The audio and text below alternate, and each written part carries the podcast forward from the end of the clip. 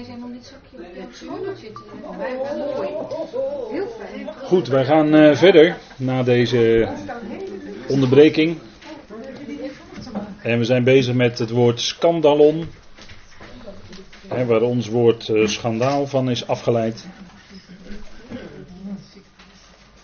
En dat is de strik. De strik van het kruis. Daar hebben we het over hè, vanavond. Kijk, dat, die strik van het kruis die neemt ons gevangen. En in feite betekent dat ook onze dood. Het verplettert in feite ons. Hè? En het punt is bij het kruis. Is dat er geen enkele menselijke toevoeging mogelijk is. Het is het werk wat Hij, Christus, onze Heer, gedaan heeft. En als je nadenkt over die uitdrukking, of dat woord wat hij gebruikte, het is volbracht, dan zegt dat heel veel natuurlijk. Het werk wat de Vader hem te doen gegeven had, was volbracht. Het werk was af. En toen kon hij ook zijn geest teruggeven aan de Vader, van wie hij hem ontvangen had. En hij stierf. Toen was het volbracht. En wat was er toen gebeurd? Toen was de zoon, onze Heer, was tot zonde gemaakt, tot de zonde gemaakt, opdat wij zouden worden gerechtigheid van God in hem. Dus op Golgotha is het probleem, want het was voor heel veel mensen geen probleem hoor, de zonde, maar voor God wel. Als ik zo even mag spreken, om het aan u duidelijk te maken. Maar door Golgotha heeft God het probleem van de zonde eens en voor altijd opgelost. Daar werd de zonde van de wereld op de zoon gelegd. Hij werd tot zonde gemaakt. En daar werd die zonde dan daarmee weggedaan. zoals Johannes zei, zie het lam van God dat de zonde van de wereld wegneemt. Nou, dat is gebeurd op Golgotha. Dat is gebeurd op Golgotha. Daar werd het zondeprobleem eens en voor altijd opgelost. En ik moest vandaag heel sterk denken aan die uitdrukking uit Hebreeën 1. Dat hij de reiniging van de zonde tot stand heeft gebracht. Hè? En, en dat betekende, hè, en, en dat tot zonde gemaakt zijn, hè, dat, dat, dat woord zonde in het Hebreeuws, dat is maar één woord. Er is maar één woord in het Hebreeuws voor zonde en zondoffer. Dat is het Hebreeuwse woord gata. Dat wordt zowel voor zonde gebruikt als voor het offerdier.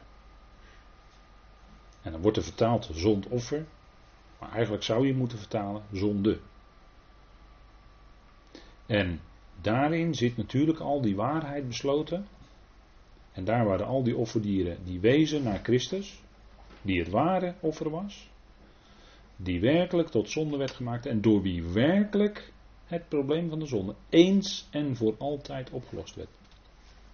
Het lam was al tevoren gekend voor de nederwerping van de wereld.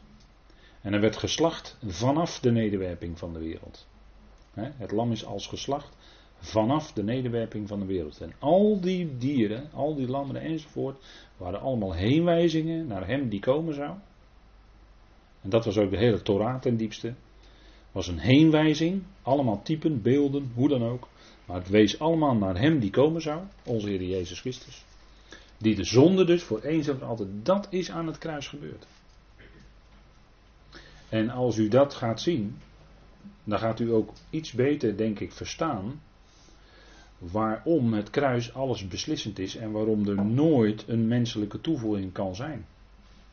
Waarom wij als gelovigen nooit iets kunnen toevoegen. En waarom wij ook nooit iets hoeven te doen in religieuze zin. Wij hoeven ons niet te houden aan voorschriften, aan reglementen of wat dan ook. Want dat zijn allemaal pogingen van het vlees om te willen toevoegen aan het werk van Christus. En het werk van Christus is voldaan, het is volbracht, het is klaar, het is af, het is gedaan. En dat is echt evangelie hoor, dat is goed nieuws. Laat ik u, dit laat u dat wel vertellen. Want wij leven met dagelijks in het besef dat het graf leeg is, dat het open is, dat, het, dat hij uit de dood is opgewekt, dat hij aan de rechterhand van vader is. Het werk is gedaan, het is volbracht. Dus er is geen enkele menselijke toevoeging mogelijk. En al wat wij willen doen, met alle goede bedoelingen dan ook. Ik praat niet over goede bedoelingen. Maar al wat wij willen doen, in, in die zin dat het iets zou, zou toevoegen, of dat je, dat je dan iets beter zou kunnen worden voor God, of dat je iets heiliger zou zijn, of dat je iets beter zou zijn, is allemaal onnodig. Ik zou het ook heel anders kunnen zeggen, maar laat ik nu maar zeggen onnodig. Het voegt niets toe. En als het gaat om, hè, want daar, daar wordt natuurlijk vaak over gesproken en zo komen gelovigen vaak onder bekoring van allerlei leringen. Als we het nou hebben over onze heiliging. Wat is nou heiliging? Is heiliging nu dat wij minder gaan zondigen? Nee hoor, dat is het helemaal niet. Naar de schrift, de schrift niet. Naar de schrift niet. Je bent een heilige en dan kun je, en dan kun je bij spreken elke dag zondigen. Dan ben je toch een heilige. Waarom? Nou, een heilige is iemand die apart gezet is voor de dienst aan God. Ja, maar die en die broeder doet nog dat of dat. Gaat, gaat jou dat eigenlijk wat aan dan? Gaat jou dat wat aan? Nee, dat meen ik heel serieus. Als het iemand is die in de dienst van, van God staat, en dan staan we toch allemaal als gelovigen. Als iemand staat of valt, dan gaat toch zijn Heer aan. We hebben net Romeinen 14 gelezen, daar staat het in hoor, wat ik nu zeg. Als iemand staat of valt, dat gaat zijn Heer aan. Dan gaat ten diepste ons niet aan. We zijn in dienst van de Heer. We dienen geen mensen, we dienen de Heer toch? Mag ik hopen? Mag ik hopen? We dienen de Heer. Nou, daar gaat het om. en, en ja, als we dan nog tekortschieten, ja, mensen luisteren als we daarop gaan letten. Dan hebben we misschien wel dagwerk. Maar dan ben je weer net aan het strijden. Ik had ik het net al over. Strijden tegen de zonde. Dat heeft toch geen enkele zin. Dat heeft geen enkele zin. Die strijd ga je trouwens altijd verliezen ook hoor. dat zijn mensen die op 1 januari uh, heel, uh, zich heel uh, heftig voornemen. 1 minuut voor 12 doen ze de laatste sigaret uit. En dan nemen ze zich heel ernstig voor dat ze niet meer roken vanaf 1 januari. En op 5 januari roken ze weer. Weet u waarom? Omdat ze het heel erg proberen niet te roken. Maar ga je verliezen. Want je gaat heel erg proberen niet te roken. En ondertussen denk je steeds aan dat checkie of aan dat sigaretje. Al of niet met filter. En dan, ja, ja, het ruikt toch wel lekker. En op een gegeven moment ga je toch weer overstag. Jo, 5 januari toch weer een sigaretje genomen. Nou, u begrijpt, dit is maar een voorbeeld om iets aan u duidelijk te maken. Vult u nou maar in voor uzelf. Dat is voor ieder persoonlijk. Dat gaat mij helemaal niet aan. Echt niet, dat meen ik echt. Gaat mij niet aan. Dat gaat uw Heer aan. U en uw Heer. Daar heeft u een relatie mee. Die beslissend is. Hè? Die, die, die, uh, daar draait het om. Nou, kijk. Strijden tegen de zon heeft geen enkele zin. We zijn allemaal geredde zondaren, toch? Nou, God neemt ons als geredde zondaren aan. We zijn lid van het lichaam van Christus. En hij zet ons in zijn dienst. En als we nog hebbelijkheden of onhebbelijkheden hebben, dat is toch zijn zaak met u. Maar we staan wel in zijn dienst. En dan zijn we niet foutloos. Maar we willen wel de Heer dienen. Nou. En, en die eventuele dingen waar hij tekort schiet. Houdt de Heer u dat voor? Verklaart de Heer u dan schuldig? Daar hebben we voor de pauze over gehad, hè? niet aan denken. Hè? Dat kan niet, hè? dat is onmogelijk. Nou, zo de Heer dienen, zo kun je de Heer dienen. Want dan op hetzelfde moment, dan gaan die dingen waar jij misschien nog in tekort ziet, staan jou niet meer in de weg om de Heer te dienen. Als jij nou denkt van, ja maar wacht even, nee, nee, ik kan niet de Heer dienen, want uh, er is nog dit in mijn leven en ik schiet nog daarin tekort en ik schiet nog daarin tekort. Ja luister, als we zo gaan beginnen, kan er niemand in dienst van de Heer staan hoor. U niet, ik niet. Maar datgene waar we in tekort schieten, we leren toch in het evangelie dat de genade veel meer overvloedig is dan de zonde. Of is dat niet zo? En zegt u, ja broeder, maar dat is een vrijbrief om te zondigen. Wel nee. Wel nee. Kom nou. Dan zeg ik, wil je dat dan? Wil je dat dan? Als je omhoog kijkt naar de Heer die jou gered heeft, alles voor jou heeft gedaan. Wil jij dan nog de zonde dienen? Dan wil je toch de Heer dienen. Dat is alleen maar een uiting van vleeselijk denken hoor. Zo reageren mensen als ze voor het eerst de, uh, dat geweldig belangrijke aspect van het evangelie horen. Dat de Heer echt alle mensen redt. Dan hoor je van religieuze mensen. De eerste uitspraak is: Oh, dan kan ik mijn gang wel gaan. Of oh, dan kan ik op zondagmiddag wat beter in de kroeg gaan zitten dan in de kerkbank. Nou, dan kan je toch zeggen: Wil je dat dan? Wil je dat dan? Nou, dat is dan een zaak die je maar met de Heer moet, eh, verder moet uitvechten of uitbespreken, weet ik het.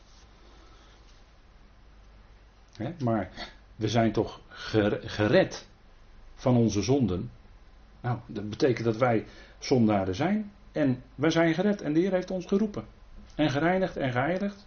En apart gezet in zijn dienst. Nou, klaar ben je. En dan kan je de Heer dienen. Dus er is geen verhindering. Als je zegt van ja, maar ik, ik, ik, ik schiet nog daarin tekort. Het zijn allemaal drogredenen. Het zijn drogredenen. Maar als de Heer u roept, dan roept u om in zijn dienst te kunnen staan. Dat geldt voor de hele gemeente, geldt voor ieder gemeentelid. dus als wij aan de andere kant bezig gaan om onze eigen zonde of desgewenst in die van anderen te bestrijden, waarom ben je dan mee bezig? Dan ben je, een strijd aan, eh, dan ben je bezig een strijd aan te gaan die al lang beslist is. Op Golgotha. Daar is die al beslist. Dus geen menselijke toevoeging mogelijk. Hè? Kijk, als mensen tot geloof komen, en eigenlijk is tot geloof komen inderdaad geen goede uitdrukking, maar als mensen geloven, voor het eerst echt geloven, dan is dat natuurlijk een werk van God in de mens, hè, dat je gelooft. Dat is een werk van God in u en mij, dat wij geloven. Dat is niet ons eigen werk, maar dat is zijn werk in ons. Maar dan komt de mens vaak tot de erkenning dat het werk van Christus voldoende was. Dat je gered bent door het bloed des kruises. Geweldig. Maar vervolgens is het veel moeilijker voor ons als gelovigen om verder te komen, namelijk dat er geen religie mogelijk is. Want veel gelovigen gaan zich dan vervolgens, nadat ze zich gered weten, bezighouden met allerlei voorschriften. Dit mag niet en dat mag wel, dat mag niet, en dat mag niet en dat mag niet meer en dat mag niet meer. Zo gaan ze vaak bezig. En waar zijn ze dan mee bezig? Dan zijn ze bezig eigenlijk in de praktijk te ontkennen wat op Golgotha gebeurd is. Daar is in feite ons hele leven, geloofsleven vrijgesteld. Er is geen religie meer mogelijk in het licht van het kruis. Je kunt dus helemaal niets toevoegen aan. En juist daar, op het christelijk erf, daar waar men heel erg bezig is met allerlei voorschriften, allerlei dingen, allerlei toevoegingen. Juist daar is haat en nijd, juist daar is onderlinge twist, juist daar is ruzie, juist daar zijn partijschappen. Al die werken van het vlees waar Paulus het over heeft in het vervolg van de gelaten brief. Juist in religieuze kringen. Of mensen, ook echte gelovigen die religieus bezig zijn of willen zijn. Maar het gaat erom dat wij het werk van het kruis van Christus, die werking erkennen in de praktijk van ons geloofsleven. En dit is die erkenning. En dit wekt ook de weerstand en vijandschap van vele gelovigen op, omdat er een streep wordt gehaald door hun misschien heel goed willend bezig zijn ze hebben geen problemen als er gepredikt wordt dat Christus voor al hun zonden het heeft volbracht. Maar het wordt veel moeilijker als er gepredikt wordt dat het kruis ook betekent dat dus in het vervolg er helemaal geen voorschriften of wat dan ook meer mogelijk zijn. In het licht van het kruis kan dat niet meer. Ik zeg niet mag dat niet meer, maar kan dat eigenlijk niet meer. Als je dat gaat zien. Maar dat is een stuk erkenning. Die God je ook moet geven, dat weet ik wel. Dat is ook groei in je geloof. Maar ook de groei is van God. Hè? Wij kunnen alleen maar. U weet het, Apollos ging rond met dat gietertje. Weet u wel? Dat gietertje. Die begoot die gelovigen met, met water, woord van God. Maar God moet de groei geven. 1 Korinthe 3. God moet de groei geven. dus je kan planten in een akker, je kan water geven. Paulus mocht dan planten bij gelegenheid. En Apollos ging dan met het gietertje rond. Maar die groei, die groei, die moest God geven. De groei is van Hem. Dus het gaat erom dat we in de praktijk van ons geloofsleven erkennen de diepe werking van het kruis.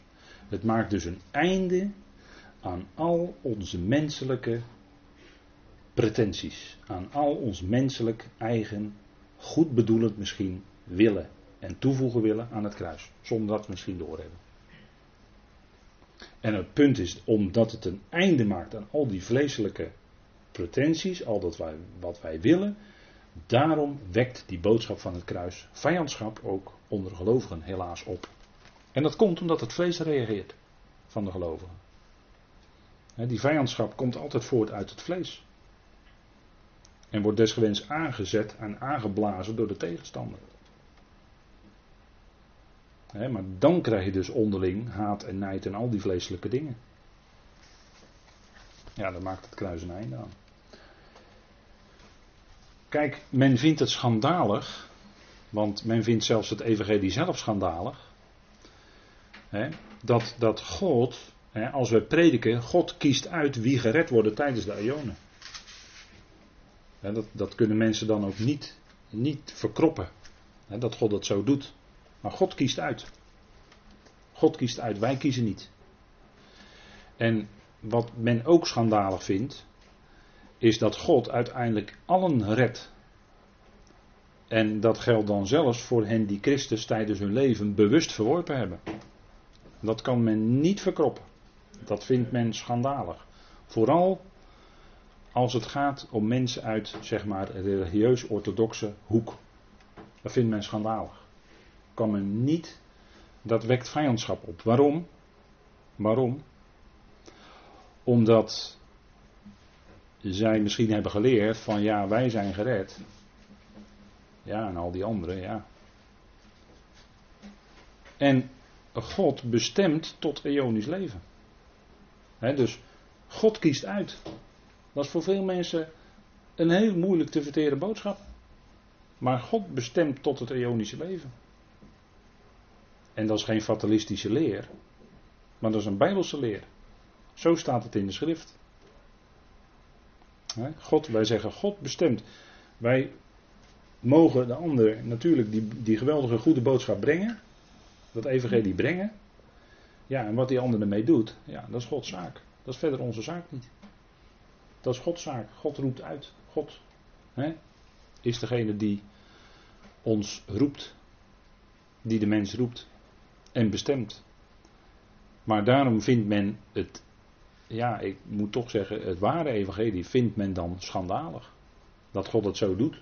Dat kunnen mensen dan niet verkroppen. En wat men ook schandalig vindt, is dat redding alleen door het kruis is. En dan even weer in het licht van deze avond, als we nadenken over de gelaten brief. Dus er is geen enkel religieus voorschrift meer mogelijk in feite. Dit is de enige basis van redding. Dat Hij zijn bloed heeft gegeven aan het kruis. Wie is Hij? Jezus Christus, onze Heer. En ik zeg voor ons dan Christus Jezus, onze Heer. Maar God redt, hoe? Door zijn gekruisigde zoon. Het kruis is het centrale punt in de eonen. Daar draait Gods hele plan van eonen om. En dus staat God geen enkele menselijke inbreng toe. En dat is aanstootgevend voor de mens hoor. Dat is aanstootgevend voor het vlees van de mens. Want wij willen graag zelf iets doen. Wij willen graag zelf iets toevoegen. En als je eenmaal echt, echt gegrepen bent door het evangelie. Ja, dan ga je ook van binnenuit. Ga je willen om iets te doen, maar dan absoluut niet meer natuurlijk om iets toe te voegen of, of iets bij te dragen of wat dan ook. Nee, je gaat van binnenuit willen, want God is het dan die in jou werkt, het willen en het werken. En dus God staat geen enkele menselijke inbreng toe. Dat wat wij kunnen doen, onze activiteiten, ja, dat is eigenlijk zijn werk in ons. En als we nadenken over de Berma, dan zal het bij de Berma ook blijken. Dan is het zijn werk in ons geweest. Wat wij hebben kunnen doen. Vanaf het moment dat we ons, dat we ons bewust werden van onze roeping. Wat we hebben kunnen doen als activiteit in het lichaam van Christus. Daar, zullen we bij de Bema van erkennen. Ja, maar dat is de Heer die het in ons gedaan heeft. Dus we, uh, roem, nee. Wel nee. Eigen roem? Wel nee. Dan moet je het raam openzetten hoor, als je eigen roem, uh, met eigen roem bezig bent. Een beetje frisse lucht dan in die kamer graag. De valstrik van het kruis is dan buiten werking gesteld. Hè? Kijk, besnijdenis, of welk aanvullend ritueel u dan ook maar wil bedenken. En ik heb hier een foto opgezet van het besprenkelen van een babytje. En dat is allemaal natuurlijk heel lief en heel mooi als dat zo in zo'n kerk gebeurt. Maar uh, kijk, als je dat gaat zien als uh, aanvullend of iets wat nodig is of als een sacrament, zoals het binnen de Rooms-Katholieke kerk gezien wordt, een van de sacramenten, ja, dan stel je eigenlijk die strik, die valstrik van het kruis buiten werking. Want je voegt iets toe, je voegt een ritueel toe. En, en die besnijdenis, en ook een kinderdoop bijvoorbeeld, ja, die, die, die vecht dat aan, hè, dat het kruis alleen voldoende is. In feite, hè, maar wat u dan ook maar wil invullen als, als, als voorschrift, u kunt er alles mee invullen, maar dan is de strik van het kruis, of de valstrik, buiten werking gesteld. Want het punt is dat niet alleen hij, maar ook wij aan dat kruis gingen. Wat onze oude mensheid betreft, onze oude mens. Niet alleen hij, ook wij. Dat is de boodschap van Galaten ook. Hè? Met Christus ben ik gekruisigd en toch leef ik, zegt Paulus in uh, eh, 2 vers 20 en 21. Met Christus ben ik gekruisigd en toch leef ik, dat is niet meer mijn ik. Dat is niet meer mijn oude ik, zeggen wij dan. Maar Christus leeft in mij. Dat is als het ware je nieuwe ik. maar dan staat jouw ik niet meer centraal, maar dan staat hij centraal in je leven. En soms hoor je dat wel eens bij mensen die dan uh, aan het woord zijn. Dan zeggen ze in uh, vijf zinnen, ze zeggen, ze ook vijf keer ik. En dan hoor je wie er centraal staat. Maar ja, daar kan die mensen ook niks aan doen. Maar je hoort het wel. Maar bij ons gaat het natuurlijk om, kijk, ons, ons nieuwe ik, om het zo maar te zeggen, en toch leef ik. Ja, ons nieuwe ik, dat is Christus. Christus leeft in mij. Nou, daar gaat het om natuurlijk. Dat is het evangelie. En dan zegt Paulus in hoofdstuk 5, vers 12. Zij die jullie opstandig maken, moesten zichzelf ook afhouden. Kijk, er waren onruststokers bezig en ze maakten die gelaten opstandig tegen Paulus. En dan weet u welke geest er aan het werk is. Het gaat niet om, natuurlijk niet ten diepste om Paulus, natuurlijk niet. Maar dat ze opstandig waren tegen Paulus, betekende eigenlijk dat ze opstandig waren tegen Christus Jezus. Dat betekent het eigenlijk. Maar die vijandschap uitte zich dan op de mens Paulus. Hè, of die vijandschap uitte zich tegen de mens Paulus. Maar het ging natuurlijk om Christus Jezus. Die die verkondigde. Die die navolgde. En daarvoor onderging die vervolgingen en werd hij gestenigd en uh, was hij in gevaar in rivieren, in gevaar in een moeras, in gevaar onder valse broeders. En dat is misschien, heb ik wel eens vaker gezegd, dat is misschien nog wel het gevaarlijkste. En, en als hij dan de Filipense brief schrijft, dan zegt hij, hè, als het gaat om uh, opletten, dan zegt hij, kijk uit voor de honden. Kijk uit voor de kwade werkers. Kijkt uit voor de versnijdenis, zegt hij dan. De versnijdenis. want we hebben het hier over. Zij die jullie opstandig maken, moesten zichzelf ook afhouden. Dat is natuurlijk een beeldspraak, maar wel een hele scherpe. die refereert aan de besnijdenis. Dan zegt hij, ja, ze moesten zichzelf ook maar afhouden. En dan zegt hij, kijk uit voor de honden. Kijk uit voor de kwade werkers. Kijk uit voor de versnijdenis. En wie zijn dat nu? die worden hier genoemd in Filippenzen 3. In Filippenzen 3, vers, uh, vers 2. En dan moet je ook lezen, als je wil weten wat dat nou betekent, moet je ook lezen wat er nog meer bij staat. En dat lezen we in Filippenzen 3 en dan vers 2 tot en met 4, eh, tot en met 3. En dan zegt Paulus, want wij, en dat is dan weer het wonderlijke, want wij zijn de besnijdenis, en dat is dan een metafoor hier, een beeldspraak. Dat is natuurlijk niet dat ik bedoel dat wij dan Israël zijn, wel nee. Hij zegt wij zijn de besnijdenis. En dat bedoelt hij dan natuurlijk geestelijk. Dit bedoelt hij natuurlijk geestelijk. Wij zijn de besnijdenis. Die God dienen in de geest. In de geest van God. Die God dienen in de geest van God. En roemen in Christus Jezus. En niet op vlees vertrouwen. En wat bedoelt hij dan met die honden? Kijkt uit voor de honden. Dat is natuurlijk ook een beeldspraak. Hè? Maar hier gebruikt hij eigenlijk het, het woord voor een straathond. Die geen eigenaar heeft.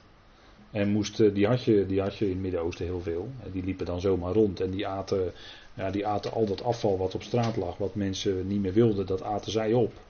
Nou, dat is een beeldspraak voor uh, werkers uit de, uit de heidenen, hè, werkers uit de heidenvolken, die, uh, die niet alleen die niet in Christus Jezus roemen, maar die op hun eigen vlees vertrouwden. Die werkers.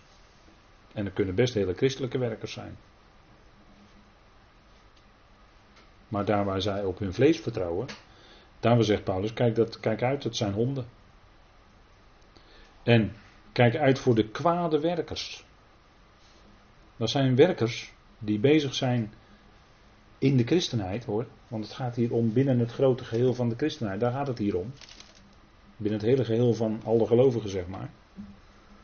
Nou die kwade werkers. Die dienen God niet in de geest van God. En die roemen niet in Christus Jezus. Maar die roemen in zichzelf. Op het succes wat zij behaald hebben misschien.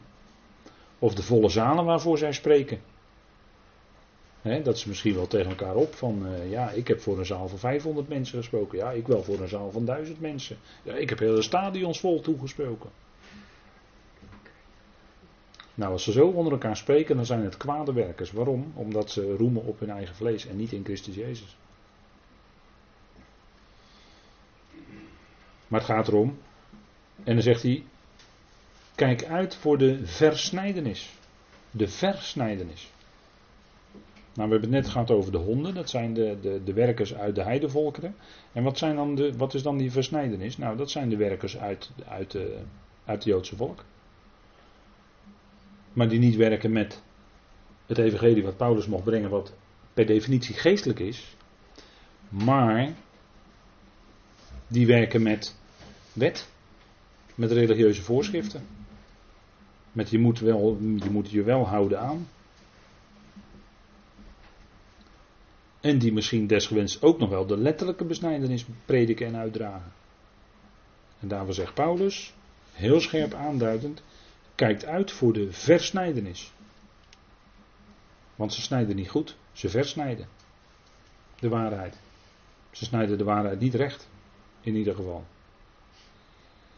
Maar ze halen er een evangelie bij of een boodschap bij die vreemd is, een vreemd element, Judaïsme dus, een vreemd element en wat niet thuis hoort in het evangelie wat Paulus mocht brengen. Want het is puur gericht op onze geest. Het is geestelijk. En het leidt in het leven van de gelovige tot een geestelijke wandel. En een geestelijke wandel is een wandel in Christus Jezus. Een wandel, zeggen we dan, in de Heer. Vanuit die genade die we mogen kennen. En waarin we dus geen enkel vertrouwen meer hebben in ons eigen vlees, in onze eigen werken, in wat dan ook. Maar we vertrouwen alleen op de Heer. En we, we verwachten het alleen van Hem. En dat is puur geestelijk. En dat is het punt, hè, dat wat, wat we als gelovigen naartoe groeien. Is dat we niet het vleeselijke met het geestelijke vergelijken, maar dat we het geestelijke met het geestelijke vergelijken en het evangelie ook op een geestelijke manier toepassen in de praktijk. Daar gaat het om. En daar komt geen enkel vlees of wat dan ook bij te pas. We vertrouwen niet op vlees. Gelukkig niet. Dan is het geen jammer. Dan is het geen jammer. Maar dan is het een amen. En daarmee wil ik dan vanavond afsluiten.